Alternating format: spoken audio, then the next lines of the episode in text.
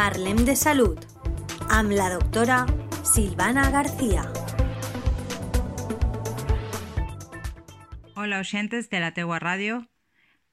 Gracias a la participación del último programa me pareció bien aclarar qué es lo que pasa cuando un paciente está bajo de defensas.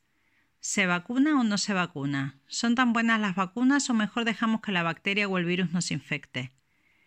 En Parlem de Salud, hoy hablaremos de la vacunación en los pacientes inmunodeprimidos.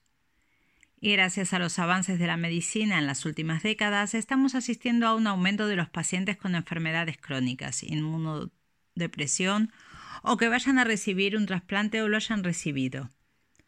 También existen más pacientes con enfermedades crónicas bajo tratamiento inmunosupresor que hace unos años debido a las terapias biológicas.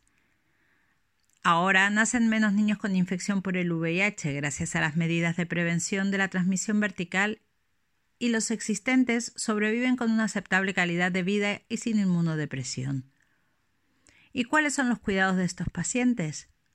Optimización de la prevención de enfermedades infecciosas fundamentalmente con unas estrategias de vacunación adaptadas específicamente para ellos, en forma individualizada es muy importante que dicha optimización abarque a los convivientes y al entorno sanitario de estos pacientes, con el fin de disminuir al máximo la circulación de los virus y bacterias prevenibles con vacunas a su alrededor, haciendo especial énfasis en la vacunación frente a la tipre vírica, varicela y gripe.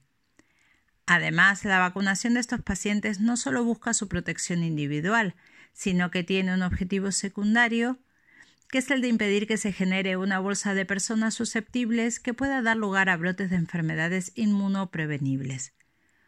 Es importante entender que la inmunización de estos pacientes es importantísima, ya que son un colectivo que por el propio tratamiento poseen un mayor riesgo de sufrir infecciones y además que estas infecciones sean más graves. ¿Qué recomiendan las guías para estos pacientes? Intentar vacunar a los pacientes antes de la introducción del fármaco. Si no es posible, se valorará el riesgo o beneficio de hacerlo durante el tratamiento, optando generalmente por las vacunas inactivas en fases estables de la enfermedad, con la realización de la posterior serología, para control. Las vacunas frente al neumococo y la gripe son altamente recomendables en este grupo de pacientes.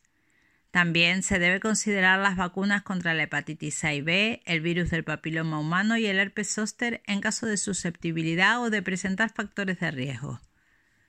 Las vacunas atenuadas al utilizar organismos vivos están contraindicadas en este grupo de pacientes. Se recomienda retrasar la administración de las mismas un promedio de tres meses después de finalizar el tratamiento hasta garantizar la restitución inmune o aplicarse cuatro semanas antes de iniciar la inmunosupresión. ¿Cuáles son estas vacunas? Vacunas como la del sarampión, las paperas, la rubiola, la varicela y la antigripal nasal, pero no la inyectable. Estas son las vacunas que contienen virus vivos atenuados. Entonces recordar, las vacunas inactivas son seguras en los pacientes inmunodeprimidos pero siempre que sea factible se recomienda que se administren al menos dos semanas antes de la inmunosupresión con vistas a lograr una mejor inmunogenicidad.